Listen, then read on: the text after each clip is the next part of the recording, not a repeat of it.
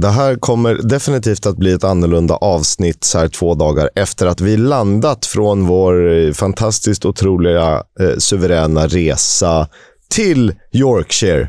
Eh, vi flög i och för sig egentligen till Manchester, men eh, vi bodde i hjärtat av England, som jag väljer att kalla det, Sheffield, stålstaden. Leo, eh, kort, eh, hur mår vi? Eh, nej men jag mår bra. Eh, det, det, måste man väl göra efter en sån här resa. De har ju liksom energi för, ja, för, för, återstående del av säsongen, om vi säger så. Eh, nej men jag mår jättebra. Eh, vi har ju haft det eh, ypperligt bra, så, så jag kan inte säga något annat. Hur mår du? Eh, för det mesta bra. Lite travel blues. Eh, men det kan ju också bero på att, eller football blues var så eh, vansinnigt intensivt. Det är ju sällan man ser liksom tre matcher på mindre än 24 timmar eller på 28 timmar eller sånt där. Mm, nej, det, var ju, det var ju väldigt tajt där. Det var ju alltså, på lördagen så var det ju en... Från det att eh, vår första match eh, tog slut, Rotherham-Sheffield United, och till att eh, vår efterföljande match, Sheffield Wednesday-Plymouth, började så var det ju mindre än 30 minuter mellan. Ja. Och det hann vi faktiskt, men det kan vi berätta mer eh, detaljerat om alldeles strax. Det ska vi göra. Eh, idag blir det lite annorlunda avsnitt. Vi eh, kommer att eh, köra en liten reserapport med på plats-klipp. Ni får ursäkta ljudkvaliteten, men det är så det är om man vill ha lite livekänsla. Sen berättar vi kortfattat om matcherna som har varit, som vi har sett i kapp och sen är det lite som vanligt med omgången som kommer, nyheter, veckans Warnock såklart och sen tackar vi för oss. Eh, så det är läget. Vi kör igång.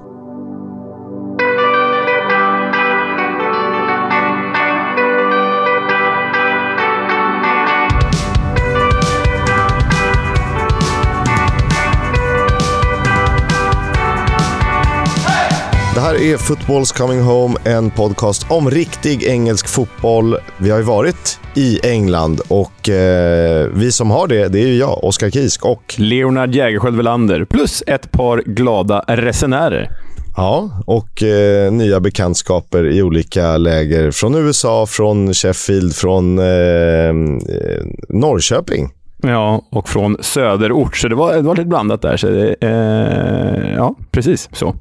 Det var blandad kompott. Vi kan börja med så här. Vi flög till Manchester, sen åkte vi inte tåg för att det var strejk till Sheffield, utan vi åkte någon form av taxi som körde som en vettvilling genom Peak District. Eh, man kan väl säga att eh, Peak District är väldigt vackert. Eh, I övrigt inga kommentarer om vår resa mellan Manchester och Sheffield. Men Sheffield var vi i och han kollade ett fotboll. Lördag, då skulle vi på fotboll, på riktig engelsk fotboll i vår älskade serie Championship. Ja, jag tycker vi kan, kan bara så här, vad, vad, är Sheffield, innan vi går in på fotbollen, liksom. Vad, det var ju en väldigt speciell stad, Sheffield, skulle jag vilja stanna vid. Vad, det var ju, det andades ju det riktiga England, men det andas ju också ganska mycket mänsklig misär. Det var vi väl ändå överens om? Eller vad säger du, Kisk? Eh, ja, eh, alltså det var väldigt nedgånget, men inte på det charmiga sättet. Det kändes som att det här är en stad som behöver väldigt mycket stöd på olika sätt. Alltså jag, någon frågade så eh, sa jag skämtsamt att Sheffield luktade gräs, i Nottingham såg man joggare.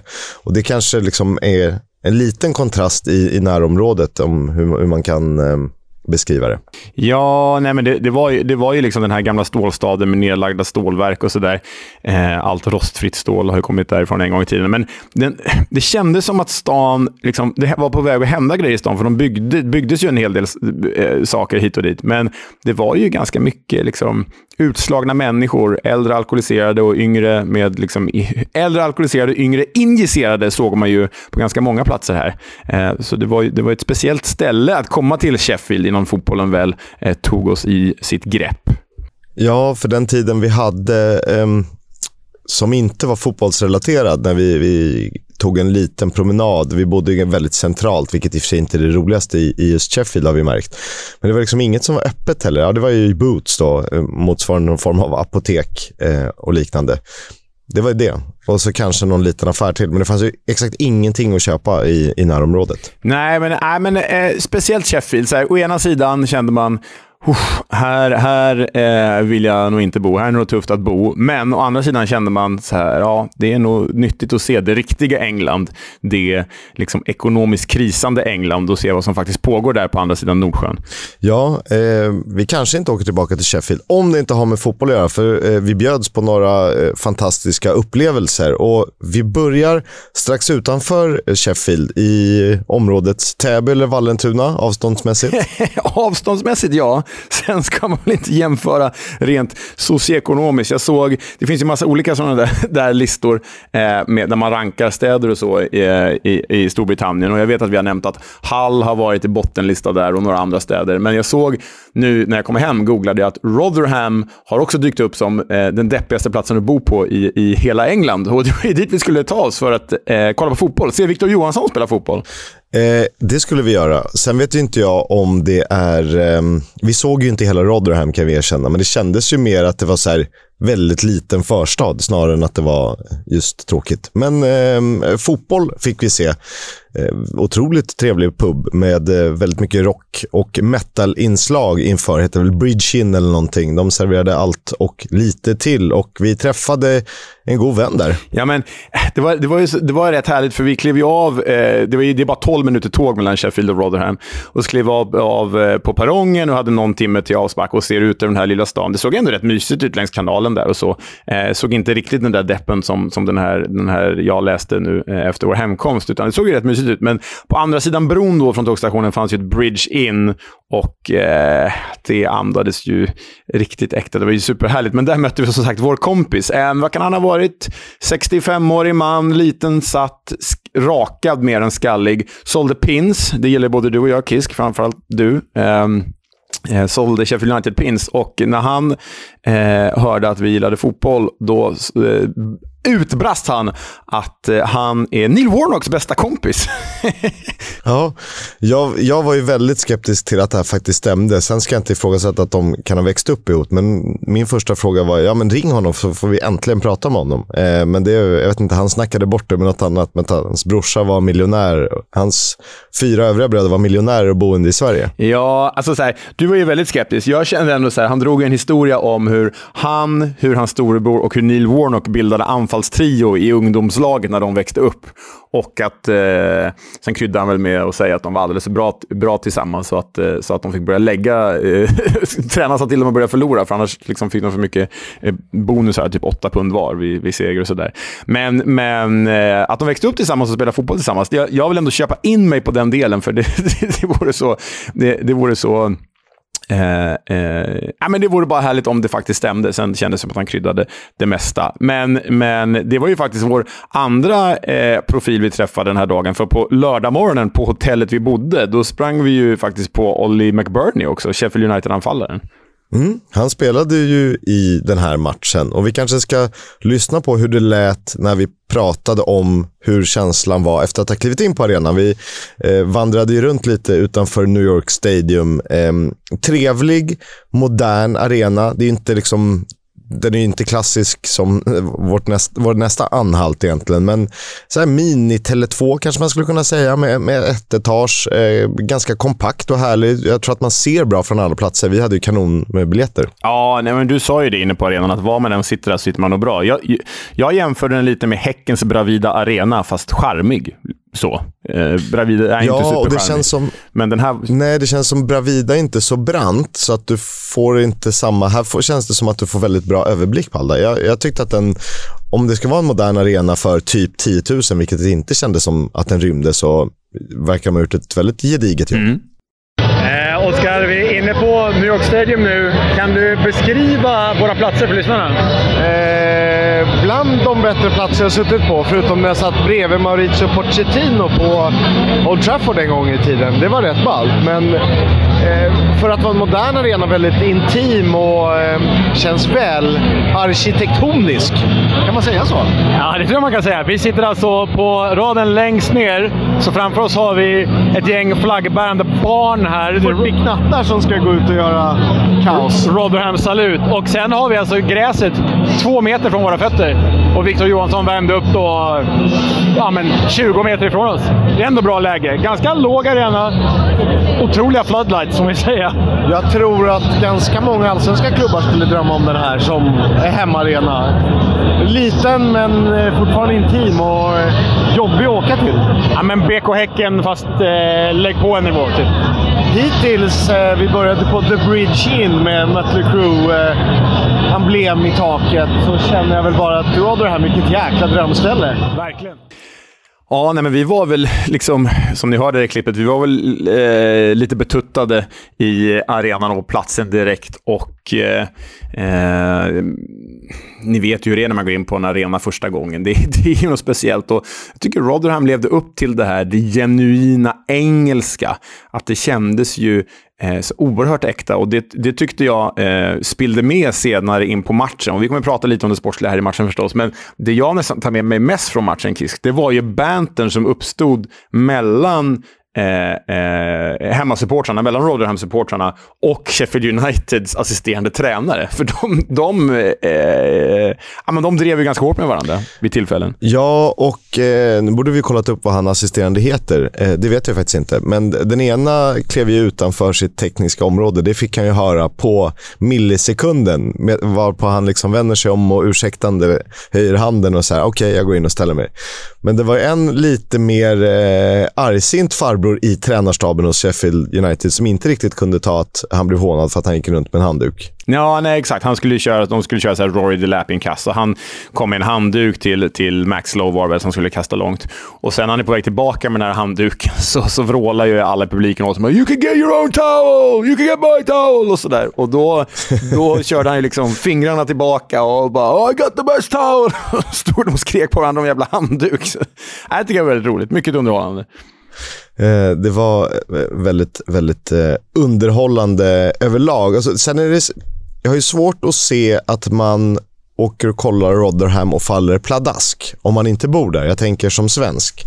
Jag vill inte undersälja upplevelsen New York Stadium och Rotherham eh, på något sätt. Men det är inte så att Ehm, det, det, kanske inte säger klick givet var det ligger geografiskt och att de kanske inte har någon jättehistoria jämfört med många andra eh, lag i närheten. Nej, men, men jag skulle säga så här, eh, tycker man att liksom de här strålkastarljuset i Premier League och den stora scenen där med Liverpool och Manchester City och, och, och Chelsea och allt vad det är, om det har blivit för stort så är det klart att man kan söka sig till Sheffield United bara, så får man en kontrast där. Men vill man ha liksom äkta, genuin, familjär engelsk fotboll, då kände jag i alla fall att Rotherham var perfekt. Sen kanske jag inte skulle bo tre nätter i Rotherham, och det gjorde vi inte heller. Men som, som fotbollsupplevelse tyckte jag det var genuint. Och jag vet inte, det är klart man vill se mål, men jag tycker ändå att det hade något i den här derbymatchen som det faktiskt var, att det slutade 0-0 också. Jag tyckte det nästan gjorde upplevelsen ännu bättre för att det kändes som att i Rotherham ska det sluta 0-0. Ja, men kan man säga att det var ett nöjt Rotherham, det var ett frustrerat eh, Blade som inte riktigt eh,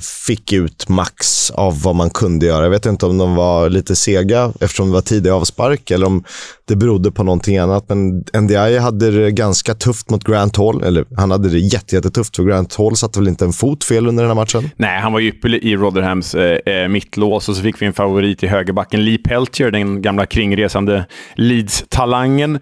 Och så hade vi då svenske Victor Johansson i mål och han behövde inte anstränga sig jättemycket. Rotherham hade ju som sagt bra koll på Blades, men han gjorde väl eh, en, eh, tre räddningar och sen hade han något rejält pantersprång där när han plockade ner några inlägg. Men eh, Victor Johansson, eh, stabil, eh, helt klart. Och i Blade spelade ju faktiskt vår andra svensk, Anel Ahmedhodzic, Eh, som man ju såg är ju alldeles för bra för den här nivån egentligen. Eh, ja, men det tycker jag. Vi har ju ett segment vi kallar Svenskkollen. Jag tycker att han får dyka upp lite där. Eh, det får Viktor Jönsson också, så kan vi prata om betyg de har fått eh, från externa. Men kul att se två svenskar på plats. Anel Ahmedhodzic är jättebra. Li Pelcher är roligt. Eh, det man kanske slogs av lite också. Framförallt var det väldigt roligt att stå på Pucka Pie stand. Och det är klart vi dunkar i oss varsin Pucka eh, i, i paus. Min var dock bränd, så jag var lite besviken. Den var ju stenhård, eh, själva smördegen där. Eh, men det, det, får man väl leva med. Hemmastödet var bättre än bortastödet och det är väldigt sällan man ser det i England, tycker jag. Ja, eh, det var väl mer som det ska vara, som det är överallt annars i världen. Alltså, Sheffield United är ju som sagt 12, Sheffield är ju 12 minuter bort med tågresa. Och Sheffield är ju kända, United är ju kända för sin publik, men här var ju de ja, men i stort sett knäpptysta förutom i början av matchen, trots att de hade en hel kort sida. Men hemmafansen, de öste ju på jäkla bra, får man ju ge dem. Eh, Mary Taylor Sweater och så vidare och så vidare. Ja, för det man är van vid med engelsk fotboll, som ju inte har eh, haft samma drag eh, senaste 20-30 åren i alla fall. Sen måste vi stanna vid eh, Billy Sharps ben. Det är, är det det sjukaste man har sett live? Ja, men det är, han värmde ju upp, alltså, eh, vad kan det vara, tre meter framför oss. Eh, vi satt ju längst ner mot gräset och eh, hans ben var ju Roberto Carlos-tunnor. Hans lår var ju Roberto Carlos-nivå. Det var oerhört kompakt person det där, får man ju säga. Mycket mer än vad man ser på tv. Eh, du var ju nästan mer fascinerad av honom än, än av allt annat i matchen faktiskt. Eh, så ja, nej, det var en upplevelse det också. Det var definitivt en upplevelse. 0-0 eh, mellan Rotherham och Sheffield United i derbyt. Vi eh, måste erkänna att vi sprang i 91 minuten. Det gjorde vi för att slippa hamna i publik och trafikkaos. För vi hade ju ett mål eh, under dagen. Vi skulle ta oss till ytterligare arena när vi insåg att Sheffield Wednesday möter Plymouth Argyle i toppmöte i League One hemma. Så det, var liksom, det var ingen diskussion och då fick vi offra tre minuter som vi visste skulle sluta mm. oavgjort. Eh, och jag tänker att vi kan ju betygsätta de upplevelserna när vi, när vi gått igenom allihopa. Eh, eh, så vi, vi hoppar väl in i taxin eh, till Hillsborough helt enkelt. 0-0 slutresultatet eh, på New York Stadium där eh, Rotherham mötte Sheffield United. Det vad som ju är ett derby för de allra flesta, till och med Blades-fansen. Det trodde vi kanske inte riktigt inför. Eh, mest häpnadsväckande var ju faktiskt att under tiden vi satt på New York Stadium eh, så gjorde Hjalmar Ekdal både debut och mål för Burnley borta mot Norwich. Vad ska vi ta ner egentligen? Jag vet inte. Om vi börjar med Ekdal kort så har vi inte sett mer än målet, men eh, vilken jäkla debut. Och att nås av det när på en annan plats plats i England. Det är ju rätt häftigt. Och med tanke på den där intervjun du gjorde med honom för bara någon vecka sedan så sa han ju själv att det kommer ta typ ett halvår innan jag spelar. Det tar en vecka så gör han mål. Det, det blir man ju tagen av. Jag tar med mig kommentaren eh, snabbt. Jag läste på Clarets Twitter. Då skrevs det “He's some player” och eh, det är han ju faktiskt eh, otroligt begåvad. En annan svensk eh, försvarare som är väldigt, väldigt bra på fotboll är Anel Ahmedhodzic, får man ändå säga. Ja, men herregud vilken, vilken dominant här idag. Alltså, han hade ju fullkomlig kontroll på vad, på vad Rotherham än slängde fram mot honom. Oavsett om det var Kiedosi Ogbene, eller Chi som de kallar honom. Eh, eller om det var... Chio, ja. Eller om det var Jordan Hugel. Eller Connor Washington. Så nej, han var ju en dominant. Borde kanske fått sitt andra gula i matchen dock, när han lappade till Hugel i, i ansiktet. Eh, Eh, rent regelmässigt, absolut. Men om vi ändå ska förespråka riktig engelsk fotboll, absolut inte. eh, och sen den tredje svensken, Victor Johansson, höll ju nollan igen. Sattes inte på några jättestora prov, men han var ändå en ganska offensiv målvakt. Att han var ute och dominerade i luften i straffområdet. Jag tycker han gör eh, med beröm väl godkänt väldigt, väldigt stabil insats får man säga. Ja. Eh, vi ska inte prata för mycket fotboll. Eh, det slutade 0-0, så vi kan väl stanna där. Eh, vi pratar Rotherham. 17 minuter, 15 minuter pendeltåg från Sheffield. Eh, upplevelsen?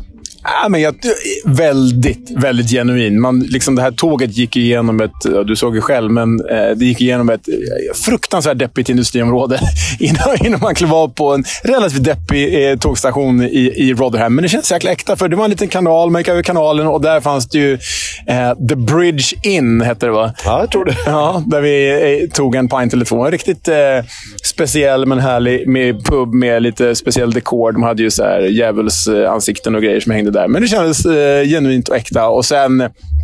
Ja, jag vet inte. Fotbollen här. Det här kändes ju väldigt, väldigt gamla The Championship, Rotherham. Dels fotbollsmässigt, dels arenan, dels hur tight den var. Du sa det ju själv, det kändes inte som att det fanns en enda dålig plats på den här arenan. Nej, eh, det är min, eh, mitt intryck också. Vi satt ju på rad A, vilket betyder längst ner. Så att vi var ju ett riktigt dåligt kast från Billy Sharp. Han, vi, nästan att vi kunde toucha hans axlar när han värmde upp. Ja, och på tal om hans fysik så var vi väldigt imponerade över hans lår. Det var som att se Roberto Carlos live in action. Det var, alltså deras lår, hans lår var ju Nej, men det, var ju, det var ju mitt ansikte gånger tre. Det var, nej, det var dålig liknelse, men det var mäktiga lår. Ja, en hel del andra spelare som eh, inte gjorde så bra ifrån sig. Ilman är ganska osynlig. James McAtee, Salford Silva fick spela eh, ganska sent, eller kom in ganska sent i matchen.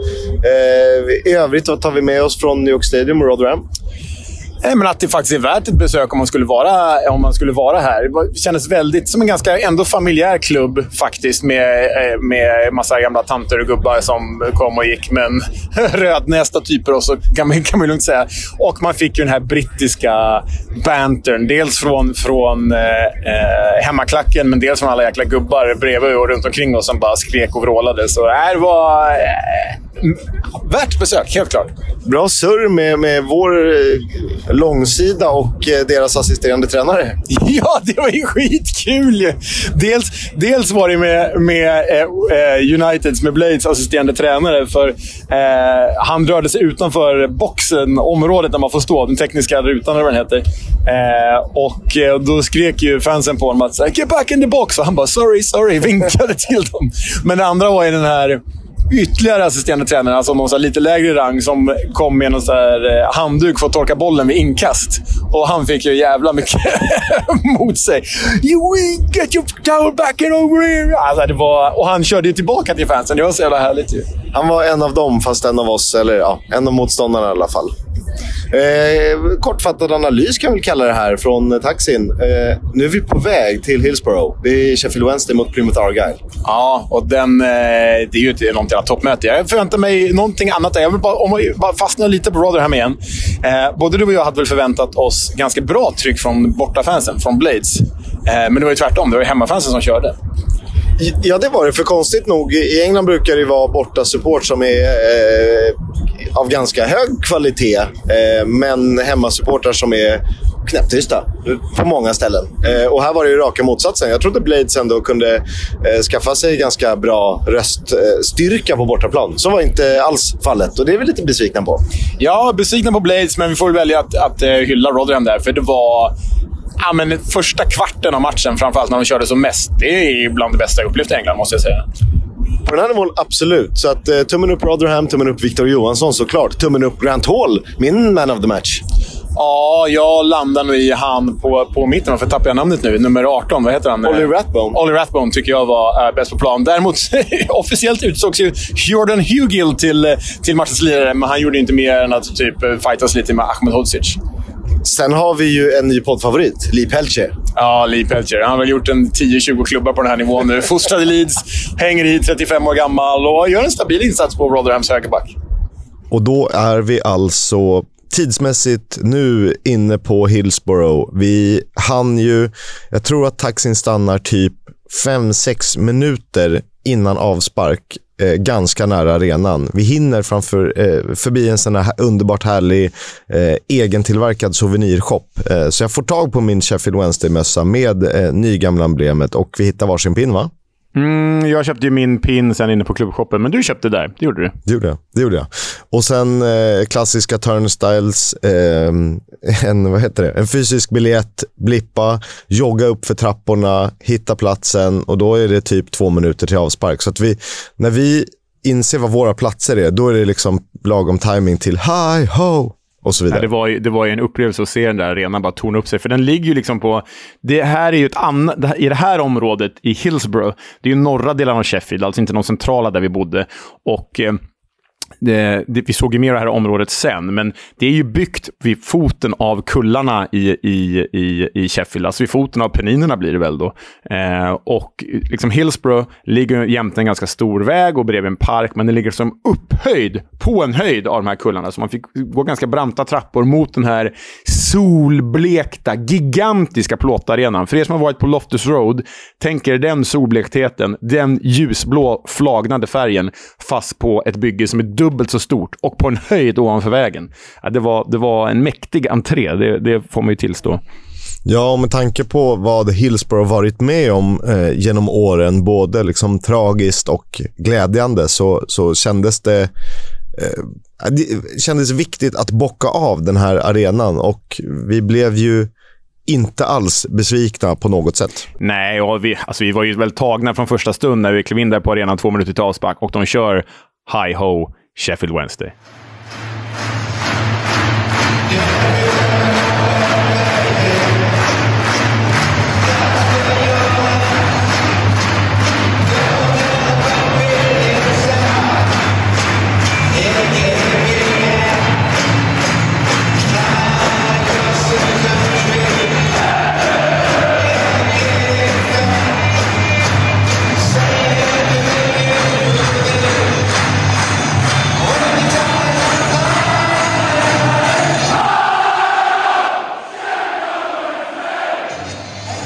Ja, det är, ehm, det är väldigt bra tryck på den här. Det är väldigt bra tryck på, på Wednesday-supportrarna hela matchen. Plymouth hördes liksom någon enstaka gång sticka emellan, men det är klart att de kraftsamlade både energi och folk till den här matchen, för det var ju knappa 34 000 på plats. Mer eller mindre fullsatt. Eh, det var väl gästerna som inte sålde ut sin sektion, om de nu fick ta in fler. Ja, nej men 34 000 i tredje divisionen, bara det är ju liksom hänförande. Sen är det väl klart att det är inte så många när de möter Morecamp eh, och så, men, men 34 000 i tredje divisionen och man kände ju matchen igenom att det här är ju en klubb gjord för en eller två serier högre. för, för det var så massivt. Och både du och jag har ju sett fotboll i andra länder än England. Om vi ska vara ärliga så finns det ju Eh, oftast eh, bättre stämning i länder som Italien eller Tyskland. Eh, men det här var ju i paritet med det bästa jag upplevt. Det var det absolut bästa jag upplevt stämningsmässigt i England och i paritet med, med det bättre jag upplevt på, på kontinenten. Så, eh, så som publiken körde i den här matchen, eh, jag var ju tagen. Och vi sa väl själva att eh, vi var ju fotbollsförälskade båda två i Sheffield Wednesday. Ja, men på något sätt eh, efter att ha liksom följt eh, degraderingen av den engelska supporterkulturen mot någonting som oftast är väldigt, väldigt beige, så blev man ju lycklig och nykär. Jag kom, det här var ungefär som när jag såg Tottenham Sunderland eh, år 2000. Och eh, Sunderland var sylvassa då och Tottenham var som oftast ganska bra på White Hart Lane. Nu pratar vi bo, eh, upplevelse och stämningsmässigt. Men det här var ju lite samma känsla, måste man ju säga. Fy fasen vad härligt det var. Och det, man var ju tvungen att dras med i det. Ja, nej, men, ja, alltså, vi stod ju och sjöng med. Här var det ingen journalistisk eh, objektivitet. inte. Det, det, det var Sheffield Wednesdays subjektivitet kan vi säga. Och så gav, var det en extra dimension av att det var ju som en resa tillbaka i tiden med arenan, gammal och inte gjort viden på länge, solblekt och allt det där. Och fotbollen. Jag menar, Plymouth, som ju var serieledare inför den här matchen, ledde ju eh, League One med tre poäng för Sheffield Wednesday. De spelar ju kanske League Ones mest liksom moderna fotboll, mest progressiva fotboll. Man ska spela längs backen, det ska vara kortpassningar. De försökte ju spela fotboll. Sheffield Wednesday och eh, tränare Darren Moore, de gick ju bara in och sa kör över de här jävlarna. För det var ju det de gjorde i 90 minuter. Alltså, det var ju sån jäkla sluggerfest. Att de bara pressade, rusade in, tacklade. Det var riktig gammal engelsk fotboll i enormt tempo. Och sjukt nog, den fotbollen kan tyckas omodern och Plymouth är framtiden. Men spelmässigt så var det faktiskt så att Wednesday körde över Plymouth på det sättet. Ja, Plymouth hamnade i det här eh, som vi såg Arsenal göra förra om åren och många andra lag också. Det här handbollsanfallen. Att eh, Wednesday la sig kompakt defensiv och så skulle de spela runt och försöka liksom, trixa och hitta sköna instick bakom lagdelar. Och det, det gör man inte på Hillsborough mot eh, liksom 34 000 som har bestämt sig att det här, det här ska vi fasen vinna. Och kul också att de har ju lite roliga trotjänare. Liam Palmer är ju eh, one of their own. Eh, tycker att han gjorde en gedigen insats. Sen är Barry Bannon, man ser ju att han har en annan typ av fotboll i sig. Jag tyckte inte riktigt att han kom upp i den nivån här, utan ibland är det som att han tror att han inte behöver lägga manken till för att han borde vara bättre ändå. Som att kroppen skulle lösa automatiskt. Men han är ju fortfarande på ja, minst Championship-nivå. en riktig talisman för de här fansen, den tidigare Aston Han har gjort över 300 matcher för Sheffield Wednesday. Det tänker man nog inte Nej, på. Nej, och då har han ändå varit i Premier League med Aston Villa och sådär tidigare. Och, och de var ju, alltså hela arenan, när han byttes ut så körde de “We got banan, Barry banan, I just don't think you understand” och så vidare. Äh, oerhört, oerhört. Det var det. Eh, det slutade 1-0. Det var Callum Patterson som fick göra målet. Inspel från höger som han på ett ganska ekvilibristiskt sätt eh, lyckas trycka dit. Måste ju stanna också vid gräsmattan. Eh, när jag såg klipp eh, från matchen, bedrövlig gräsmatta. ja, det tänkte man inte på då, men det hör väl till på en sån här arena, såklart. Det är klart det gör. Vi kan ju inte dela klipp i sociala medier om hur vi älskar dåliga mattor och sen klaga på det.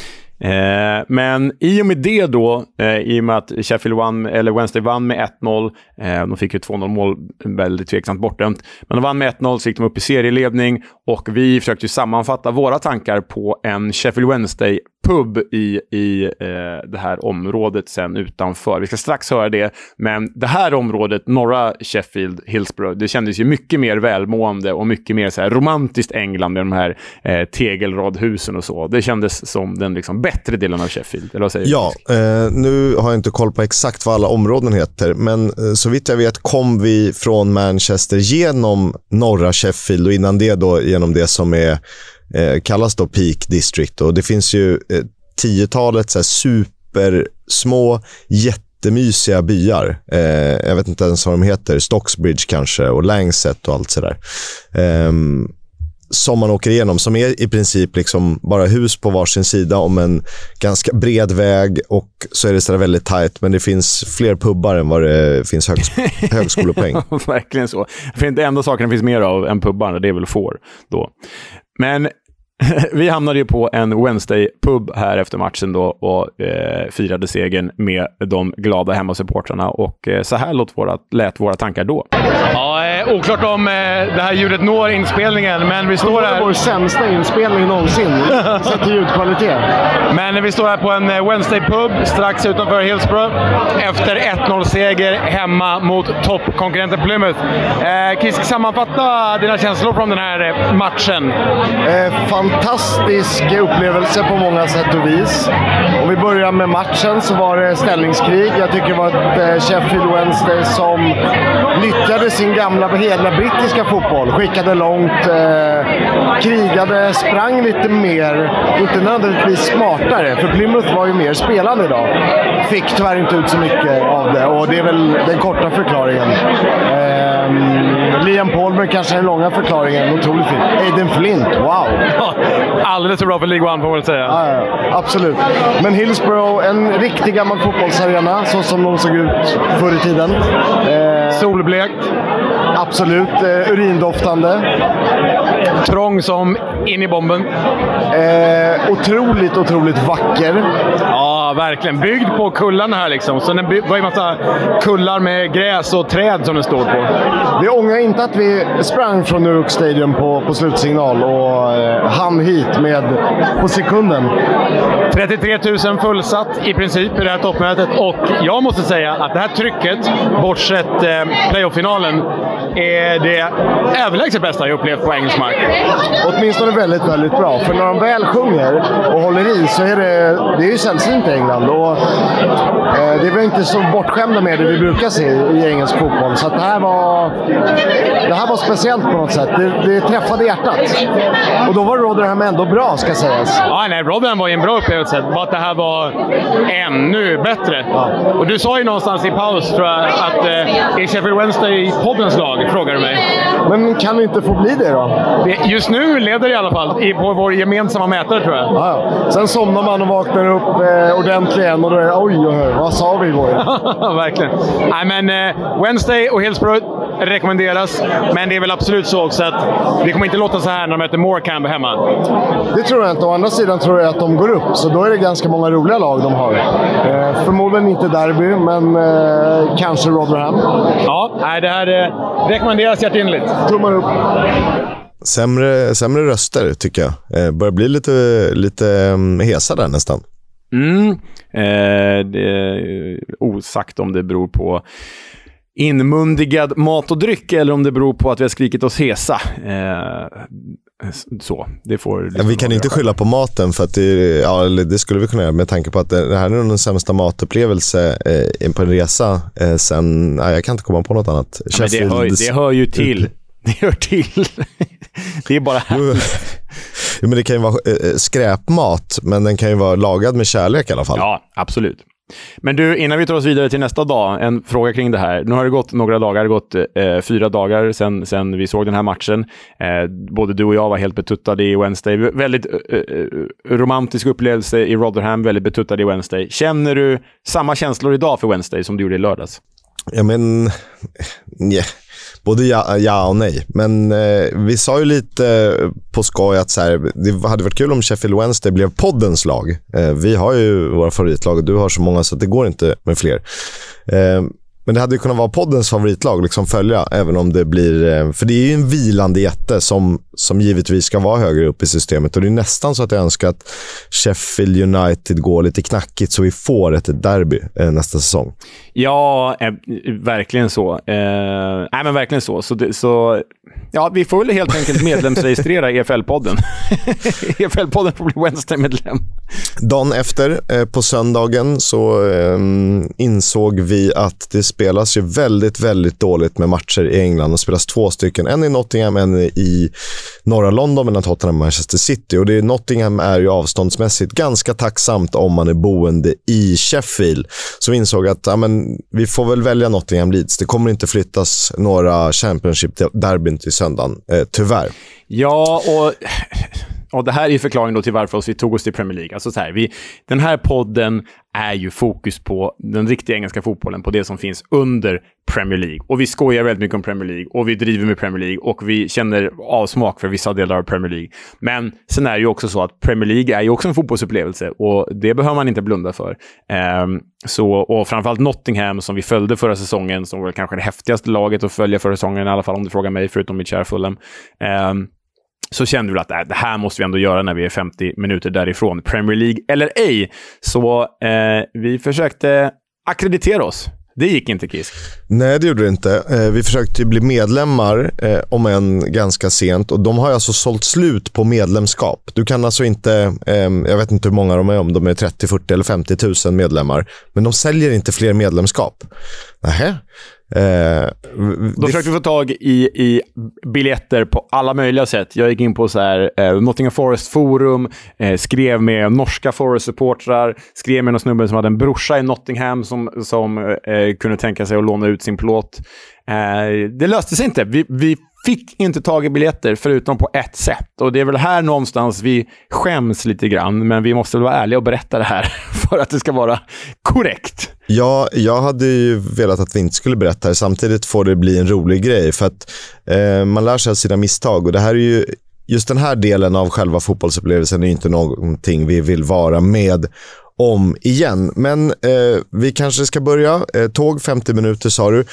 Nottingham känner man direkt, det här andas något helt annat. Eh, det finns en positivitet i staden. Eh, vi åkte ju tåg med Leeds-supportrar både en och två gånger. Ja, det var ju fasiken mäktigt. Du var ju kanske inte riktigt i, i, i stånd att stå upp i 50 minuter och, och, och höra gormande Leeds-supportrar, men samtidigt fann jag enorm glädje att åka med de här eh, Yorkshire-gubbarna, eh, alltså, eller killarna var det väl mest, men det ska sägas att den här rivaliteten, för det var ju Även om det var Premier League så var det ett väldigt klassiskt möte vi tog oss till. Nottingham Forest mot Leeds. Och ni, ni som kan er i fotbollshistoria, ni kan det ju, men ni vet, det är ju liksom stora på 70 och 80-talet och möta varandra i, i massa bataljer där. Eh, men, men så har de ju den här också som faktiskt är aktualiserad i, i, i serien Sherwood som går på SVT just nu. Rekommenderas. Eh, det här är inget betalt samarbete med SVT, utan jag bara säger det rätt ut. Väldigt trevlig serie på, där, som heter Sherwood, som handlar om eh, mord i Nottinghams gruvdistrikt. Men det här är en rivalitet om Nottingham Forest och Leeds som också handlar om gruvstrejkerna på 80-talet. För i Yorkshire så strejkade man, man vägrade jobba i, i gruvan och i Nottinghamshire då eh, eh, fortsatte man jobba. Eh, och det här är ju infekterat. Svartfötter. Så kallat svartfötter på svenska, scabs på engelska. Eh, det är väl inget vi står för. Man får, det fanns många olika anledningar till att strejka och att inte strejka. Eh, men det här är en rivalitet eh, sprungen mycket ur det också, vilket var spännande. Men då åkte vi tåg med de här Leeds-supportrarna och de körde ju många ramsor förstås. Jag fastnade speciellt för en Eh, som vi tyvärr inte har ljudinspelat på. Den handlar inte om Nottingham, utan det handlar om Leeds andra rivalitet mot Manchester United. Ska jag köra den, Kisk, eller är den lite för barnförbjuden? Ska jag köra den? Eh, det, eh, vi kan väl säga att de tycker inte så jättemycket om varken Cristiano Ronaldo eller Mason Greenwood, som ju förvisso friades nu i, i domstol. Så att vi ska väl inte vara någon, någon folkjury här. Nej, nej, vi är ingen jury, men vi jag vågar väl ändå återge den. Det är ju, jag, jag återger ju bara vad Leeds-supportrarna sjunger, lite, lite grovt. Kör. Full, full of, full of weirdos. Manchester United is full of weirdos. Ronaldo's a rapist, Greenwood's a rapist, and Scholesy is sucking on toes. det, det sista refererar till att Scholes då klippte sin typ 18-åriga dotters tånaglar genom att bita av dem, kom ut på, på sociala medier för ett år sedan ungefär. Så det, det tyckte jag var en rolig ramsa. Sen har de det här med eh, Willy Gnonto, he eats spaghetti, he drinks Moretti. Eh, och får man bara in att någon dricker Moretti för att han är italienare, då, då är det en win där. Eh, resten får ni googla er till. Så träffade vi några svenskar också. Vi var lite besvikna för vi tänkte att fasen, det är nog inte vi är nog de enda skandinaverna på, på Hillsborough den här lördagen. Dagen efter, tre svenskar. Ja, vi har varit och sett Sheffield Wednesday Plymouth. Ah. Men det gjorde inget, för det var tre supertrevliga killar. Eh, lite till och från poddlyssnare också, som vi förstod det. Ja, nej men eh, det var ju härligt att träffa eh, eh några som var likasinnade som oss. Eh, de hade väl sett West Brom Coventry på fredagen, Wednesday på lördagen och så skulle de se Forest på söndagen. Så det var ju en eh, suverän resa det också. De kanske sitter och spelar in sin egen podd någonstans och berättar om den resan. Eh, men, nej, men det var kul att springa på svenskar, även om man vill känna sig originell och genuin och äkta, så är ju vi alla turister i fotbollens land där borta. Eh, oavsett vad vi tycker om det. Och det gav oss lite andrum för att eh på tal om det här med biljetter så frågade de hur fick ni biljetter? Och liksom skämdes när vi sa att äh, men vi, vi fick gå via någon så här hospitality-vip-package-grej. Eh, eh, det var de två biljetter som fanns kvar. Då hade de gjort samma sak någon månad eller några veckor innan. Så det var lite skönt. Eh, de hade lite flyt, vi hade inte så jättemycket flyt. Vi fick de två sista som fanns. Det var eh, en speciell upplevelse. Vi kommer dit eh, alldeles strax. Vi ska väl börja med att prata om vad vi såg. För det finns ju fler lag i Nottingham och arenorna är ju kända av en anledning. Oskar, vi går här längs Meadow Lane, Notts Countys historiska, solblekta, grågula, rätt fula arena. På väg mot City Ground, Nottingham Forests, Forests historiska arena. Hur känns det här? Eh, det känns eh, faktiskt fantastiskt. Av de matcher man kan se i Premier League så är historiens vingslag över det här mötet mellan Forest och Leeds. Och eh, lite liksom derbykänsla, eller gammalt klassiskt rivalmöte får man ändå säga. Ja, men det är det ju. Det är ju ett, nästan El Clasico, Brian Cloughs två gamla klubbar. Eh, och sen är det ju det här liksom gruvstrejksderbyt. I, i eh, Leeds och Yorkshire så strejkade man ju satan på 80-talet. Eh, och i Nottingham så var man ju så kallade svartfötter, eller scabs. Man, man eh, vägrade ju strejka. Man fortsatte jobba istället. Så det finns ju den historiska rivaliteten också. Eh, jag håller med dig. Det känns, det känns genuint det här och Nottingham känns ju bra mycket trevligare än Sheffield som stad. Eh, åk inte till Sheffield eh, om du inte ska se Wednesday, för de är fantastiska. United säkert också på sitt sätt, men åk till Nottingham om du vill mysa. Vi hittade ju kanske världens bästa pub, som ju var ett gammalt kanalbåtshus, om jag förstod det rätt. Eh, och så satt vi på utserveringen med massa Leeds-fans och blev tagna för Leeds-supportrar också. Det kan vi väl leva med idag. På gott och på ont, absolut. Men, men eh, ja, det är ju speciellt här också, för snart kommer vi passera, eh, eller komma till City Ground också. Det är ju det här historiska som man pratar om, att arenorna ligger så jäkla nära varandra. Det är ändå rätt coolt att bocka av ju. Eh, det måste man ha sett. Det är lite som att förr eller senare måste vi starta en skotsk podd också och prata om eh, Dundee och sådär. Sen blir det lite tjatigt. När folk har lagt ut bilden tio gånger, då är det lite så här, släpp det nu, vi vet det. Men eh, det är klart man ska bocka av det. Och Nottingham hittills eh, absolut minst fyra plus, skulle jag säga. Ja, och det känns ju det nästan, nästan som att vi gör här i så här, eh, förebyggande research-syfte. För Fan, Leeds ska ju hamna i The Championship ändå. Eh, för vår podd så hade det varit väldigt roligt om vi fick ner ett Leeds, ett West Ham, ett... Eh, vad har vi mer där nere? Ett, ett publiklag och ett gammalt storlag. Det skulle vi må bra av. Det skulle vara roligt. Ja, allra helst Everton och Leeds kanske. Ja, Everton såklart. Ja. Ja, det, det var ju speciellt att gå där om så många olika anledningar, Kisk. Dels för att vi liksom fick se de här två, Meadow Lane och City Ground, som ligger så nära varandra. Men dels också för att Nottingham verkar ju vara en helt förträfflig stad.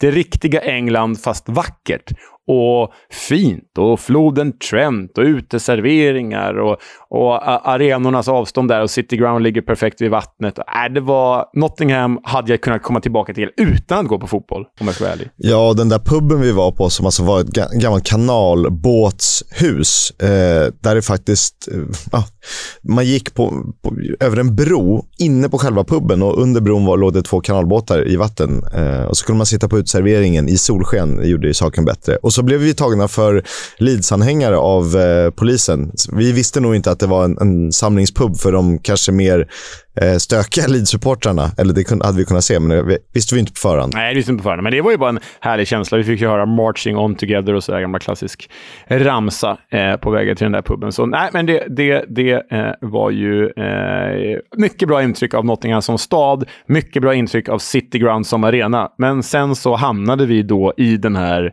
förhatliga vippen. Ska vi säga så? Det måste vi göra. Eh, City Ground ligger otroligt vackert. Du går över bron, då ser du Meadow Lane till vänster, du ser City Ground till höger. Det ligger såna här härliga burgarhak utanför. Det är tusentals pins och fula mössor och halsdukar. Vi gick runt, du hittade din matchtröja, vi hittade vår Legends Lounge. Eh, vi, de hade en bar, jättetrevligt. De hade, det var någon buffé av något slag. Eh, maten, Väldigt engelsk buffé, ska vi säga. Ja, engelsk buffé. Det är chorizo rolls och eh, några konstiga salladsblad med currykyckling i. Jag vet inte vad de försökte sig på. Um, Shepherd's pie fanns det. Massa sådana saker. Ja, det gjorde det. Mm. Och gott så. Ja, sen, innan vi kommer till själva matchupplevelsen vill jag bara stanna att vi mötte ju faktiskt två amerikaner i, i, eh, den här, i den här liksom VIP-baren. Och jag tyckte det var så roligt för eh, en kom från, eh, från Denver i Colorado, en kom från Twin Cities i Minnesota. Och eh, de eh, gillade sin soccer och var så trötta på den amerikanska sporten och att det är så oerhört kommersiellt. Så för att komma undan kommersialismen i USA så hade de tagit flyget över till England för att gå på tre Premier League-matcher. Chelsea på fredagen, kommer inte ihåg vad det var på lördagen. Brentford, Notting Brentford på lördagen. Det är ju äkta, det får man ge dem. Och Nottingham på söndagen. Så för att vara Premier League så är både Brentford och Nottingham ganska äkta. Eh, Premier men, League. Då, Premier League, just det, som de säger. Men när de då insåg att vi tyckte att Premier League har blivit för kommersiellt och gjorde den här resan för att se liksom Championship och League One. Alltså de, framförallt ena killen, hans insikter, han tappade ju hakan. Han bara, är Premier League inte äkta? det var ett roligt samtal med de här två amerikanerna.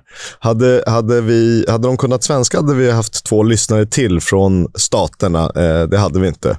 Eh, men vi insåg ju båda två att vi var tvungna att köpa dyra biljetter sent eh, för att det var det enda som fanns. Och Det är roligt att det är fullsatt.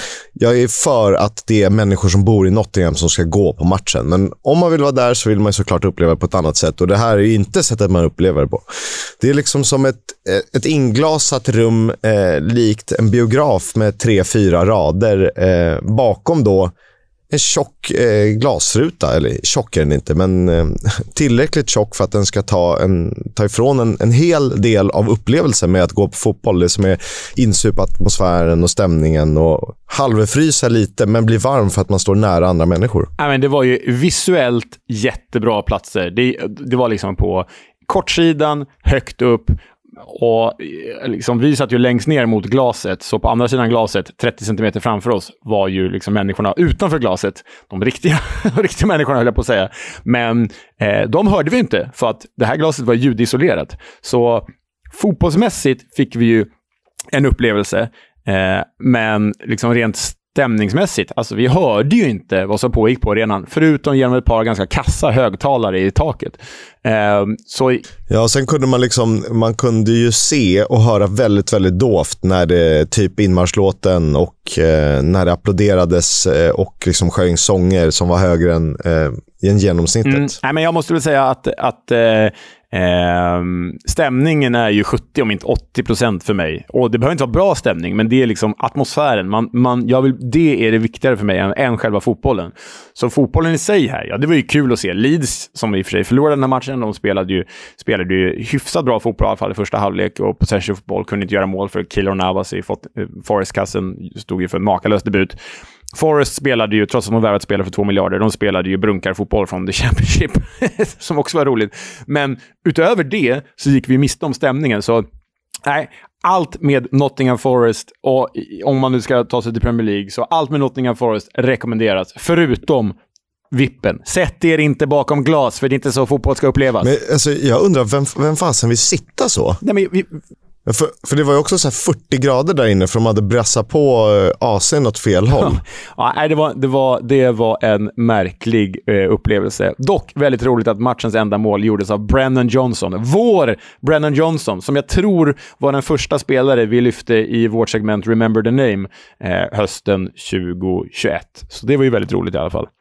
Ja, det var kul att han fick göra mål. Och Sen var det ett par andra karaktärer. Det, det är roligt att se liksom en världsmålvakt, eh, Keronava, stå på City Ground. Um, det, är sånt, det är lite härliga kontraster. Och alla, alltså de har så mycket spelare. André Ayew kom in, det var ju bisarrt. Men eh, Forrest vann i alla fall. Eh, vi försökte sammanfatta det här eh, på plats. Eh, och då lät det väl mer eller mindre så här. Vi står här på tågstationen i Nottingham, ska åka tillbaka till Sheffield med massa Leeds-supportrar. Eh, jag har precis sett Forest slå Leeds med 1-0. Premier League, Kisk. Känner du dig smutsig nu, eller? Det är inte Championship eller League One, det är det ju inte. Nej, men eh, det var ju typ Championship-fotboll. Eh, det skulle man väl nog kunna säga att båda de här lagen skulle kunna göra hyfsat Champions League, nästa, Champions League Championship nästa säsong. ja, eh, det tycker jag också. Det var en... Eh den är speciell den där jäkla arenan, City Ground. Den låg ju fint som tusan vid floden Trent. Um, inte gammal som Wednesday, men ändå gammal, utan att vara modern. Så det kändes ju för att vara Premier League ganska genuint, eller? Jag håller helt med. Jag håller helt med. Ganska trevlig fotbollsupplevelse. Nottingham känns som en betydligt schysstare stad än Sheffield, har vi kommit fram till. Mer välmående, kanske mer utbildad. Eh, om det är ett betyg för välmående, det borde väl vara något internationellt gränssnitt. eh, men rätt roligt eh, runt arenan, tycker jag. Eh, för det mesta eh, en positiv upplevelse av Nottingham som fotboll fotbollsstad då.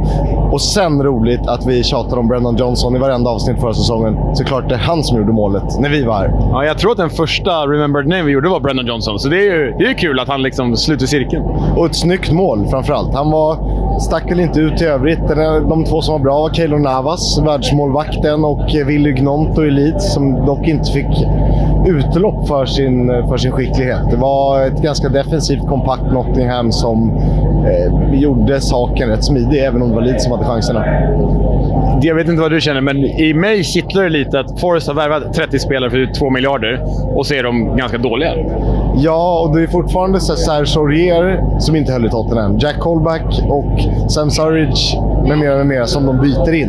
Det är ju inte liksom Neymar-spelare de byter in. Och Chris Wood gör kanske den sämsta insatsen man har sett. Han var ju ruskigt dålig. Du lanserade ju Victor Gyökeres till Nottingham Forest om de stannar kvar i Premier League. Ja, det hade varit hur bra som helst tror jag. Rivig, eh, sliter. Ja, vi har ju koll på honom, men eh, det hade varit skillnad. Men eh, både du och jag är väl typ överens om att man kan komma tillbaka till Nottingham oavsett om det är Championship, eller Premier League eller League One. För att stan verkar trevlig och det finns fotboll här. Ja, och har man tur kan man kombinera med Notts County. Vi gick ju förbi Meadow Lane, som ni ju har hört. Eh, väldigt speciellt med två så närbelägna arenor. Det, I Sverige är det väl Malmö som har det, möjligtvis. Ja, ja nej, men eh, ett gäng plus för Forest i alla fall. Eh, det kan de få, eller för Nottingham kan vi väl säga. Ja, ja så. Ja, alltså ska man åka och se Premier League så är det väl eh, på en sån här arena man får det mellan två lag som ändå får ses som hyfsat stora rivaler. Det är inte så långt emellan städerna. Eh, det, det, vi gjorde rätt i att vi åkte, sen kunde vi inte göra så mycket eftersom vi tog de två sista biljetterna. Um, ja. Men det vet ni ja, men Vi skäms nu. ju lite för att ha sålt vår ehm, själ, ja. men, men uh, uh, ja, så. Det, åk till Nottingham men inte till Vippen. Man hör hur vi skäms, man hör hur jobbigt det är för oss. Men överlag eh, så var det här en del i en trestegsraket som liksom gjorde resan helt. För att ha suttit 50 minuter från Nottingham på en pub och tittat på matchen, eh, lite ja, menlöst. Nej, men, eh, överlag fantastisk helg. Ska jag säga att vi, vi, gjorde den här, vi gjorde den här resan i samarbete med Nickes.com eh, som ju erbjuder eh, fotbollsresor och andra idrottsresor eh, världen över. Eh, ett, eh, vi hoppas att vi kan erbjuda eh, eh fler resor i framtiden, får vi återkomma till. Eh, men kort då, Kisk, om du ska betygsätta de här upplevelserna 1 5, Rotherham, Sheffield Wednesday, Nottingham Forest, hur blir det då? Men Sheffield Wednesday toppar ju med en femma. Eh, och det var ju, sen får man ha respekt. Möter de Morecambe, det är inte samma stämning. Men det var inte den matchen vi såg heller, utan det var ju ett toppmöte i League One och ett lag som är, de har bestämt sig att de ska tillbaka. Nottingham var ju väldigt roligt, men den här glasväggen drog ner eh, betyget att ens ha, komma på att ha en glasvägg i en, eh, på en sektion. Det är ju, låter helt sjukt. Um, Rotherham 4 um, ehm, tycker jag ändå. Uh, Nottingham Forest snuddar på, på fyran också, uh, förutom den här glasväggen. Med 3,5. Ja, eh, vi är nog ganska överens. Eh, Sheffield Wednesday, 5 av 5. Det, som sagt, det bästa jag upplevt i, i England, utom möjligtvis playoff-finalen, då, det var äkta på alla sätt. Eh, man låter så jäkla pretentiös när man pratar om äkta och inte vara äkta. Men för mig, äkta på alla sätt. Eh, Rotherham, Sheffield United, kändes extremt genuint. Kändes riktigt så här lower tier, eh, men ändå med bra stämning. 4 av 5. Och Nottingham Forest blir ju svår att bedöma. Allt allt utöver själva glasrutan var ju 4 av 5 upplevelse. Eh, men glasrutan drar ju ner. Alltså glasrutan är ju minus 200 000 poäng av 5. Eh, så jag vet inte, den får väl landa på, en, på någon slags 3 av 5 upplevelse eller något. Jag vet inte. Vi är överens om det. Vi ska prata lite kortfattat om eh, övriga matcher som har spelats. Så då får vi backa bandet igen till fredagen West Brom mot eh, Coventry eh, lite puls ändå i ett sånt möte. Ja, men det är ju ett derby, eh, inom citationstecken derby, men det är ändå ett Midlands-derby eh, där West Brom gick in som stora favoriter förstås och vann matchen också genom Grady Diangana, 1-0. Långt inkast. Eh, Jed Wallace eh, skarvar fram Diangana som gör matchens enda mål. Eh, Mark Albrighton debuterade, gjorde en pigg debut till höger på offensivt mittfält. Och lite roligt med den här matchen att det var årsdagen för utnämningen av Steve Bruce som manager. Då låg West Brom femma i tabellen och i och med den här segern återvänder man till topp fem för första gången sedan dess. Nu är man i och för sig sexa, men... det är info vi älskar. Um, David Button, uh, den alltså sågade David Button i West Brom-kassen. Han står ju i skadade Alex Palmers frånvaro. Han behövde bara göra en räddning, men den gjorde han med den äran, så han höll nollan. Uh, och utöver det så var det ju svenskt i form av Viktor Gyökeres i Coventry, men mer om honom i Svenskkollen. Lördagens uh, stora fight då, förutom Rotherham Sheffield United var ju faktiskt Norwich Burnley. Ett toppmöte, två tidigare Premier League-klubbar och wow, vilken uppvisning av gästande Clarets. Ja, nej men eh, 1-0 Anna Saruri i första halvlek, andra halvlek Vitinho och eh, satte 2-0 då. Och sen med en halvtimme kvar, den väldigt eh, mycket tidigare än vad vi trodde och mycket tidigare än vad man själv trodde, debuterande Hjalmar Ekdal spelade från start för The Clarets och eh, då passade han ju på att göra, stöta in bollen i öppet mål på en hörna. Eh, 3-0, vilken debut av Hjalmar! Ja, helt otroligt. Vi ska väl återkomma till betygssättning och sånt i Svenskkollen, eh, för det här var nionde raka segern eh, för Burnley, vilket är en vinst från serierekordet sedan det blev Championship 2004 och och eh, förlusten för Norwich innebar sjunde raka utan seger hemma. Eh, så de har inte vunnit på Carrow Road sedan 29 oktober. Ja, det, här trodde man ju ändå att David Wagner skulle kunna hota Burnley med hans nya Norwich, men här var det ju verkligen eh, klasskillnad. Vi pratade ju också om kvaliteten på målvakterna i Norwich, både hos Tim Krul och Angus Gunn. Och så började du spekulera i Victor Johanssons siffror. Kanske är Norwich perfekt destination för Victor Johansson. Eller Middlesbrough om de inte skulle gå upp. Det känns som det skulle kunna vara nästa steg för den gode Victor. Ja, och det ska sägas att press och passningsspel håller en otrolig nivå i Burnley. De, och så är de jätteeffektiva såklart, men eh, de, är, de är numret större här. Huddersfield QPR slutade oavgjort 1-1. Ja, Martin Waghorn, eh, sitt första mål för The Terriers, kom ju från Coventry i januarifönstret. Och Jamal Lowe fortsätter göra mål i sin nya miljö för QPR. QPR ledde ju den här matchen, men deras vinstlösa svit förlängdes till sju ligamatcher, åtta totalt i och med krysset här. Eh, och Huddersfield har alltså bara två poäng på de fyra senaste, så det var ju inte... Ah, det var kanske lite väntat att det blev ett eh, sorgligt kryss här, för ingen av dem är speciellt bra för tillfället. Nej, det, det var hyfsat rättvist. Det var en jämn match mellan två lag, helt ur slag. Och eh, det man tar med sig är väl protesterna från hemmasupportrarna. Clowns running the club, circus in the boardroom. Eh, och så är det väl. Eh, hos ganska många. det kan man ju säga. Jag gillar den protesten ändå. Den står jag för. Jag gillar också Thank you ja, Mr. Shamsiri. det hade jag glömt bort. Alltså, på kortsideläktaren på Hillsborough bakom oss så hade de sagt upp en gigant... De, när jag säger de menar jag inte supportrarna, utan då menar jag liksom klubbledningen får man väl anta. Satt upp en gigantisk banderoll med “Thank you Mr Chansiri” i blått och vitt och en bild på Sheffield Wednesdays thailändska ägare Chansiri. Och så med thailändsk text under. Det kändes liksom, ja, ah, du, du som ägare, du, jag förstår att du vill vara i Premier League och det här hör nog Premier League till, men i grådaskiga Sheffield och ännu mer grådaskiga League One ska det nog inte se ut så här. Och dessutom, varannan flagga på taket var ju thailändsk och varannan var Storbritanniens Union Jack. Så det var, ja, det var ju lite märkligt. Det, det höll ju nästan, det drog ju ner lite, lite grann. Drog ju ner 100% upplevelse till 99% upplevelse på ja, Wednesday. Det kanske gjorde. Eh, Hall har ju nya ägare sedan en tid, eller de har ju nya ägare i Akonil Charlie och eh, de har en hyfsat ny tränare också. Det är faktiskt så att bara fem lag i Championship har plockat fler poäng än Hull sedan Liam Rosinio tog över och de vann också mot Cardiff. Eh, tre poäng där sen Cyrus Christie gjort matchens enda mål. Eh, ja, den eh, gamla Fulham-profilen. Fick vi in det? Profil vet fan man var, men gamla Fulham-bänkisen i alla fall. Eh, stor grej, var, det var, målet gjordes i andra halvlek. Stor grej här var ju att Callum Robinson eh, brände straff för Cardiff och det eh, främst på grund av, eller tack vare, beroende på hur man ser det, Matt Ingram i Hall-målet som gjorde en suverän save. Alltså den är ju... Det är ju en... Ja, den är, det är hög, hög klass. För det är, hård, det, är hård, eh, det är en hård träff av Callum Robinson och den är ganska långt ut mot stolpen. Ja, det är ingen dålig straff, utan det är en bra räddning. Så, så kan vi säga. Eh, och nej, Cardiff illa ute nu. Eh, det här var ju deras andra förlust på fyra dagar för nya tränaren Sabrilla Mucci och han var ju ute och uttalade sig att “We have to panic”. Och jag vet inte om det är bra eller dåligt att säga, det känns mer dåligt, dåligt att en ny tränare kommer in efter tre matcher och bara “We have to panic guys”. Um, ja, nej. Ja. Det känns som en bröllopsfotograf som har glömt kameran hemma och liksom ah! Ja, lite så. Fire, fire, fire, fire. Uh, ja, nej men eh, ett mål på sju matcher och elva utan seger för Cardiff. Det känns inte alls särskilt pikt.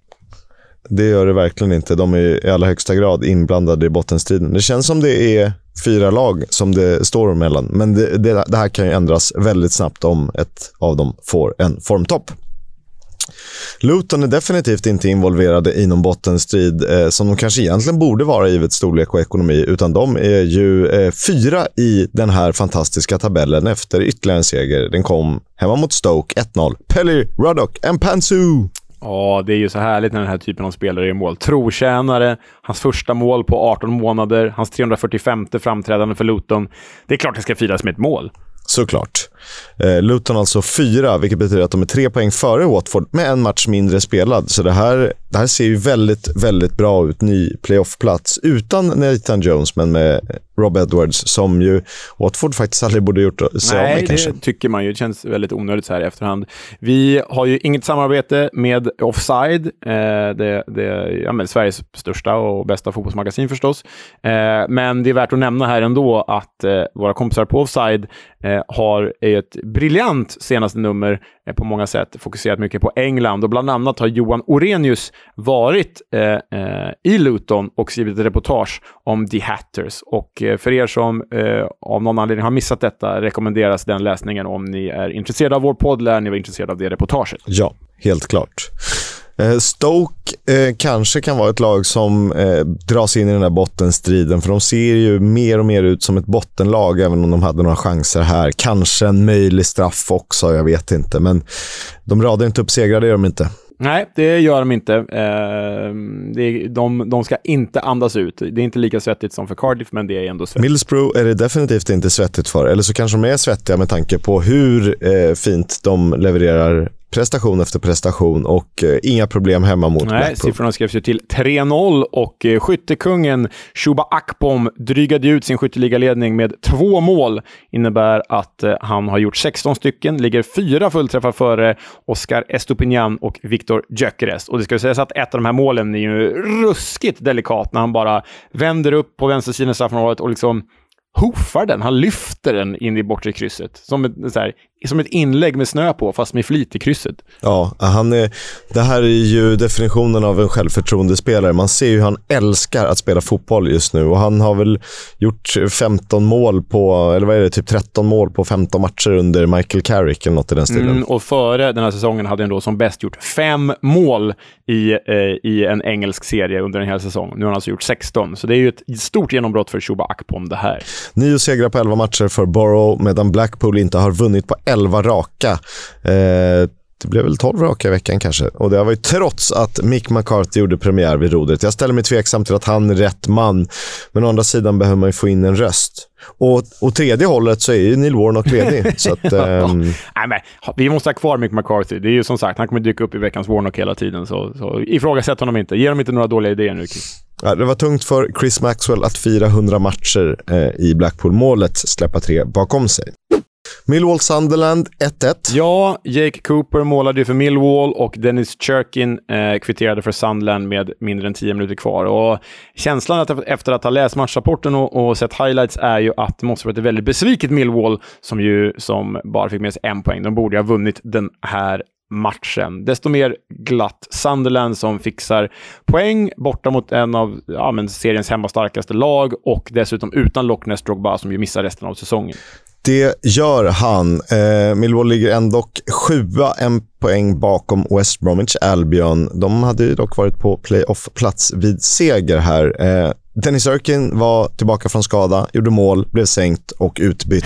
Kanske att han kan återvända till helgen, vi får väl se. Men eh, man gör väl hellre mål och blir utbytt än förlorar och eh, spelar klart. Absolut, så är det ju. Preston North End, Bristol City slutade 1-2 och det är det någonting vi börjar se i Bristol City? Det är lite av en formtopp som kan skönjas. Jo, men verkligen. Alltså, Bristol City vinner med 2-1 här och det innebär att de är obesegrade i åtta raka matcher. Och Det var väl något sånt de inte vann på i, i rad alldeles nyss. Så det svänger kring Nigel Pearson. Han har ju hittat rätt här och framförallt har de ju fått eh, två nya publikfavoriter eh, på Ashton Gate, även om det här var en bortamatch. Ja, eh, Sam Bell, Tommy Conway 2.0. Ytterligare en egen produkt som eh, bara glänser. Och sen har de ju Alex Scott som är hur bra som helst. Han ser ju ut som en Premier League-spelare. Snart. Nu. Ja, och Sam Bell då har alltså gjort tre mål på de två senaste. Och Mark Sykes, som också gjorde mål i den här matchen, han har gjort fyra mål och en målgivande framspelning på de fem senaste matcherna. Så här har vi formtoppar. Det har vi definitivt. Eh, åtta raka matcher utan förlust för Bristol City samtidigt som Preston North End noterades för sin femte hemmaförlust i följd. Och Um, vi tänkte att så här, det ser ganska bra ut för PNI. Nu behöver de bara målskytten. Sen började Chad Evans göra mål och har varit jättebra sen dess. Men då har ingenting annat funkat. Nej, men de, de gjorde ju om taktiskt också efter den här defensiva starka inledningen, men de inte gjorde några mål. Och jag vet inte. Nu istället för att spela 0-0 hela tiden så förlorar de uddamålet hela tiden känns det som. Så jag vet inte om det var bättre. Nej, man vet inte. Eh, ja, det är sämre att torska än att, att kryssa. Det är ett som är säkert. Förlust blev det i alla fall. De, jag vet inte om de behöver se sig om. De känns väl hyfsat eh, säkrat kontrakt, för de är ju ändå på elfte plats, eh, Bristol City, 17 plats. Reading fortsätter att plocka poäng. Jag vet inte hur de gör det, men eh, gör det, det gör de. I någon slags eh, utanför London-möte eh, här när de tog emot Watford. Ja, ett krystat Greater London Derby. Eh, Watford ledde ju faktiskt med 2-0. Ismail Azar gjorde ju ettan och debuterande Ryan Porteous, som de värvat från Hibernian, satte ju tvåan. Eh, och det är en enorm debut får man ju säga eh, i början av andra halvlek. Då tänkte man ju inte att Reading skulle gå härifrån med poäng, men det slutade faktiskt 2-2. Ja, det gjorde det. Tom Inns fick chansen från 11 meter. Inga konstigheter där. Och sen ja, möjlig kandidat till säsongens mål med tanke på eh, höjden på bollen och träffen Jeff Henrik får på volley. Så ja, otroligt snyggt. Mm, nej, ja, det, ja, det, måste man ju erkänna. Jag, jag, det är tråkigt när jag måste erkänna att eh, mitt personliga hatobjekt Jeff Hendrick gör bra saker, men det är ju ett ruskigt fint mål. Vi har inte sett ett sånt där supermål. Vi såg ju typ sju raka supermål inom loppet av två veckor där i, i början på säsongen och så har de liksom dalat av lite. Men nu kom det igen här, så ja, absolut en kandidat. Helgens överlägset målrikaste match och mest underhållande om man är neutral val borde ju ha varit Swansea, Birmingham. Och det eh, flög mål till höger och vänster. Först 0-1, sen 1-1, sen 2-1, sen 2-2, sen 3-2 och eh, så blev det ju lite av bluesmagi på stopptid när eh, Swansea fortsatte visa att de är inte att lita på. Nej, de är inte att lita på. Tänk att leda med 3-2 i 90 minuten, men förlora med 3-4. Det är alltså inhoppande Lukas Jutkiewicz som kvitterar för Birmingham i den 90 och sen är det då jänkaren Austin Trusty på hörna Eh, sätter 3-4 för gästande Blues i 97 minuten. En hörna från Hannibal Mabry. Så oerhört starkt för Birmingham, som bryter då en formsvacka på fem raka förluster. Men Swansea, vad fan, vad gör ni? Ja, Nej, eh, det enda positiva i den här matchen för Swanseas del var väl att eh, Joel Pirou gjorde två mål och skuggar bakom i, i skytteligan där på 11 totalt. Och ha igång honom är viktigt, men det är lite samma här. Vi, vi klagade på att han inte funkade. Eh, och nu funkar han, men då funkar ju inte Swansea. Nej, exakt så. Ska ju sägas att eh, Swansea var ju en man mindre vid avgörandet, för då hade de gjort alla sina byten och då fick eh, Latibaudière kliva av på grund av skada. Så kanske det som orsakade eh, rämnandet. Eh, Russell Martin, Swanseas tränare, manager, ruskigt arg efter matchen kritiserade ägarna Jason Levine och Steve Kaplan på presskonferensen eh, på grund av ett inaktivt övergångsfönster. Han insinuerade också att han kanske inte blir kvar länge till om det fortsätter så här. Nej, eh, hårt ändå ju. De tappade ju Michael Obafemi som ju såklart är en, en, en viktig spelare när han är i form. Verkligen. Den matchen vi egentligen skulle åkt och sett eh, var ju Blackburn-Wigan, men den flyttades till måndagen. Tänk vad trevligt om den hade kunnat lägga på söndagen. Ja. Äh, vi fick se Nottingham. Ja, vi fick se Nottingham. Det var en upplevelse det också. Och eh, kanske lika bra att du missade den här, för det blev ju 0-0 och eh, ganska tomma läktare. Så kanske lika bra att du missade Blackburn-Wigan. Kanske. Och det var, ju, det var ju också chansfattigt i en match som innebar Sean Malonis eh, premiär som manager för Wigan. Han tog en poäng direkt eh, och det kanske var det han ville sätta. Ett tryggt fundament som bara löser uppgiften och grindar till sig poäng. För det är ju precis vad Wigan behöver. De behöver väl eh, typ 17-18 poäng för att klara kontraktet. Eh, debuterade gjorde Omar Rekik och Daniel Sinani. Um, så var det med det. Ja, eh, Sinani hoppas vi på. Hoppas ju Wigan på också. Tråkigt för Wigan att Martin Kelly skadade sig. Det spelades också en match på tisdagen, tyvärr ej tv-sänd. Eh, och det blev bara en poäng för Huddersfield här, trots en man mer och eh, ledning två gånger om i matchen. Ja, eh, det var ju så. Matty Pearson och Josh Coroma eh, gjorde ju mål för Huddersfield i en match där Blackpools Gary Medin visades ut kring halvtidsvisslan. Och det var ju riktigt målrikt där i slutet, för Huddersfield ledde i 82 minuten. Då kvitterade den för Blackpool invärvade och inhoppande Andy Lyons. Och sen tog ju Huddersfield ledningen genom Josh Coroma i 86. Och sen då gjorde han sitt första mål som comebacken. Eh, den inhoppande och återvändande januarifönstret Josh Bowler kvitterade för Blackpool i minut 90. Ja, eh, flera snygga mål i den här matchen. Eh, kvitteringen dock, eh, som ju Bowler sätter till slut, är väldigt märklig. För att det är typ ingen press från Huddersfield när Blackpool, alltså de står och så här kickar och hattar och nickar och snurrar sig förbi eh, Huddersfield-spelare. Eh, jag såg inte exakt vilka det var. Och sen eh, får de eh, läge till inspel från vänster. Det hittar inte Yates som får sitt skott blockat och där dyker Josh Bowler upp och sätter en enkelt. Rättvist? Absolut inte, men eh, Huddersfield, håller de på med? Och Det visar kanske också att Bowler är eh, den spelare som kan vara skillnaden mellan nytt kontrakt och degradering. Mm, det, det hoppas de ju på. Det kanske vi tror på också. Vi har ju pratat om hans effekt på exakt det sättet. Vi ska eh, kort prata FA-cupen. Eh, Hjalmar Ekdal var inte med i truppen. Burnley besegrade Ipswich eh, i omspelet. Det blev 2-1. Eh, Nathan Tella med båda målen. Eh, vårt kära, poddens kära Sheffield Wednesday föll mot, borta mot Fleetwood när eh, Michael Smith, eh, Josh Windass, eh, Byers, Barry Bannon med flera vilades. Ja, man offrade ju den matchen helt enkelt. Luton eh, körde också en B-uppställning borta mot Grimsby och Grimsby vann med 3-0, vilket glädjer våra eh, Grimsby-lyssnare förstås. Sheffield United, eh, de fick kämpa mot eh, i allra högsta grad. Visst, eh, Anel Ahmedhodzic gav dem ledningen, men strax därefter gjorde Paul Mallin mål på straffpunkten. Han fick en chans till från straffpunkten, missade och Billy Sharp och Sander Berge kunde på stopptid eh, skjuta segern till eh, Sheffield United, således även avancemanget. Listen, Swindon. Sweden. It's a country, you tool. Vår vän Victor Johansson fick såklart stå 90 minuter i derbyt mot Sheffield United. Han noterades för tre räddningar, fick betyget 7,5. Och eh, han är återigen trygg och stabil med stor pondus för sitt Rotherham. Han är ju viktig som sista utpust och vi funderade som sagt på framtiden för honom. Eh, inget vi diskuterade med honom. Eh, han trivs i Rotherham, men har ju visat att han är bra nog för toppen av the Championship. Kanske inte redo för Premier League än, eh, eller så är han det i rätt miljö. Ja, eh, Rotherham verkar vara rätt miljö och som sagt, jag tror att typ ett Norwich eller ett Middlesbrough vore bra nästa steg. Han mötte ju Anel Ahmedhodzic i Sheffield United som spelade hela matchen. Fick gult kort, 6,87 i, i betyg av Who Scored. Ständig rörelse, ett hot framåt för Sheffield United. Rätt häftigt att se honom på plats, för han är ju liksom en högerytter när de har boll, eller högeranfallare.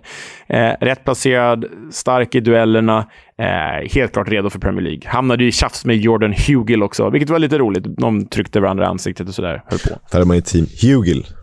Nej, det är man inte. Han är team båda. Eh, Hjalmar Ekdal debuterade för Burnley, spelade 79 minuter, gjorde ett mål, fick betyget 8,27 vilket var bland de högre på planen i den matchen. Stabil bakåt, effektiv framåt i det som blev en drömdebut. Han pratade själv om en längre anpassningstid, men direkt in i hetluften och det kunde ju knappast gått bättre. Han är alltså helt enkelt redo. Och så har vi då Victor Gyökeres i Coventry. 90 minuter, varken mål eller framspelning, bara 6,25 av Who Scored. Spelade hela matchen, hade som sagt inte sin bästa dag. Missade två rätt bra chanser. Eh, dock alltjämt viktig i duellerna, som han ju alltid är. Ken Sema spelade noll minuter, för han är alltjämt skadad och enligt klubben så kommer han att återvända inom ett par veckor. Det här får mig att tänka, det här svenska får mig att tänka på att vi hade ju eh, ett quiz på plats under vår resa också för våra medresenärer. Eh, vi hade ett segment med, sens- med frågor om svenskarna i, i, i serien. Och jag tycker ändå det kan vara värt att nämna att eh, det quizet vanns av eh, medresande Mats, en en, en, en, eh, en eh, eh, härlig typ som kunde nog mer fotboll än både du och jag, Kisk. För eh, han kammade hem, jag tror det var 38 av 45 poäng på det där quizet. Eh, så res, poddresans första mästare, det får man ju hylla. Ja, det blir en vandringspokal.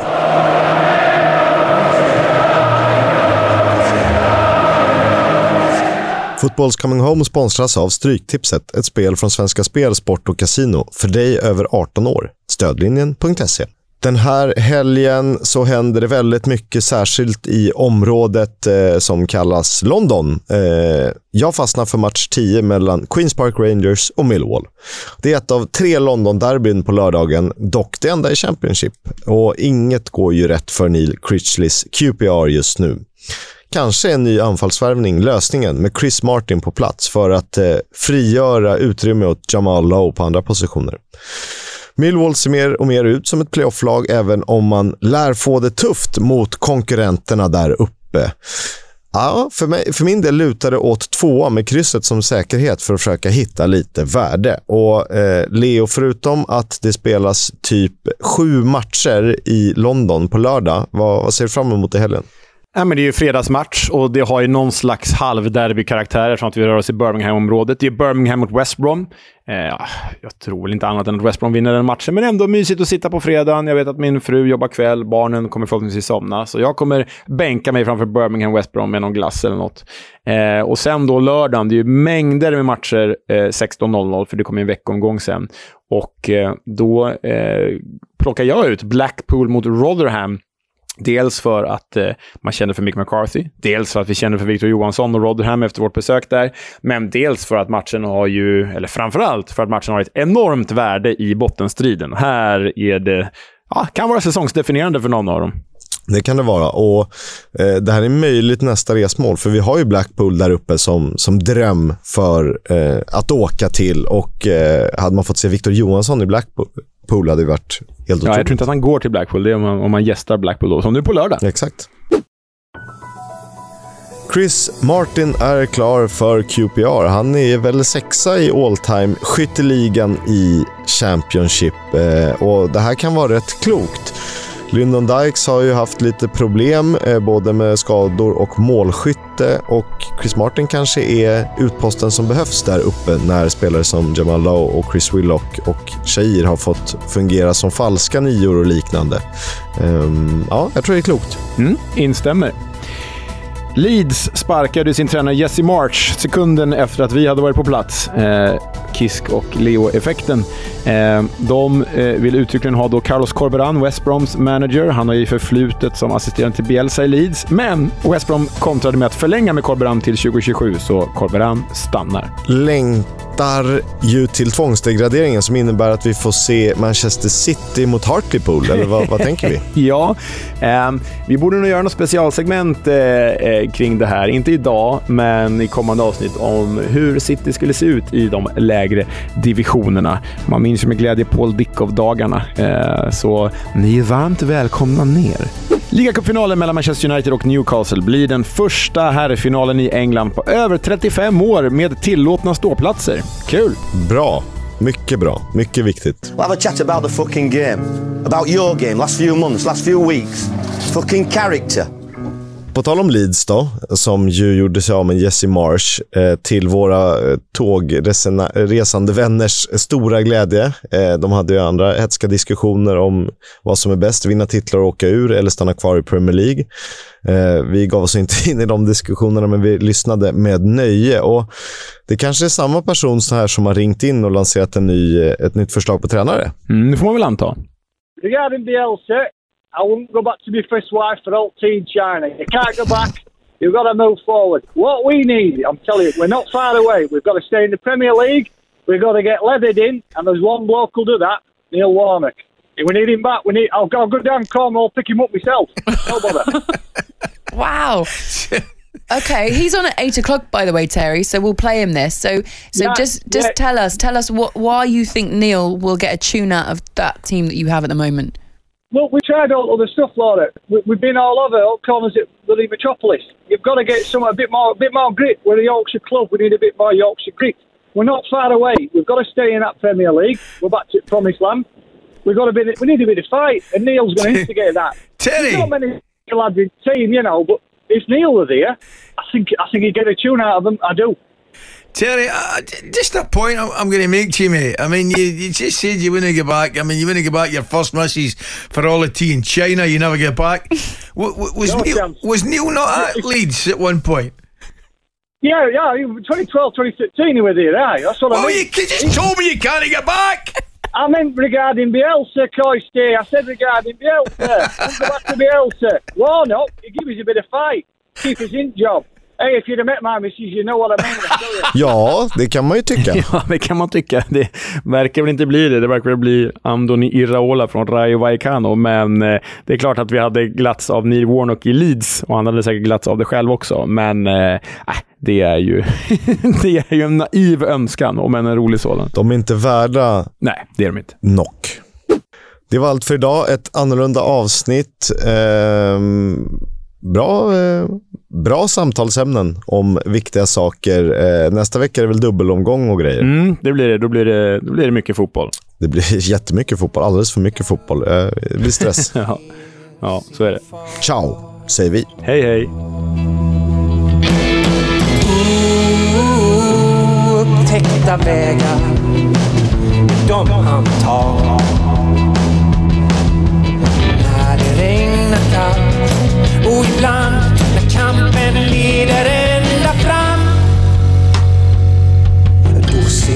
people love.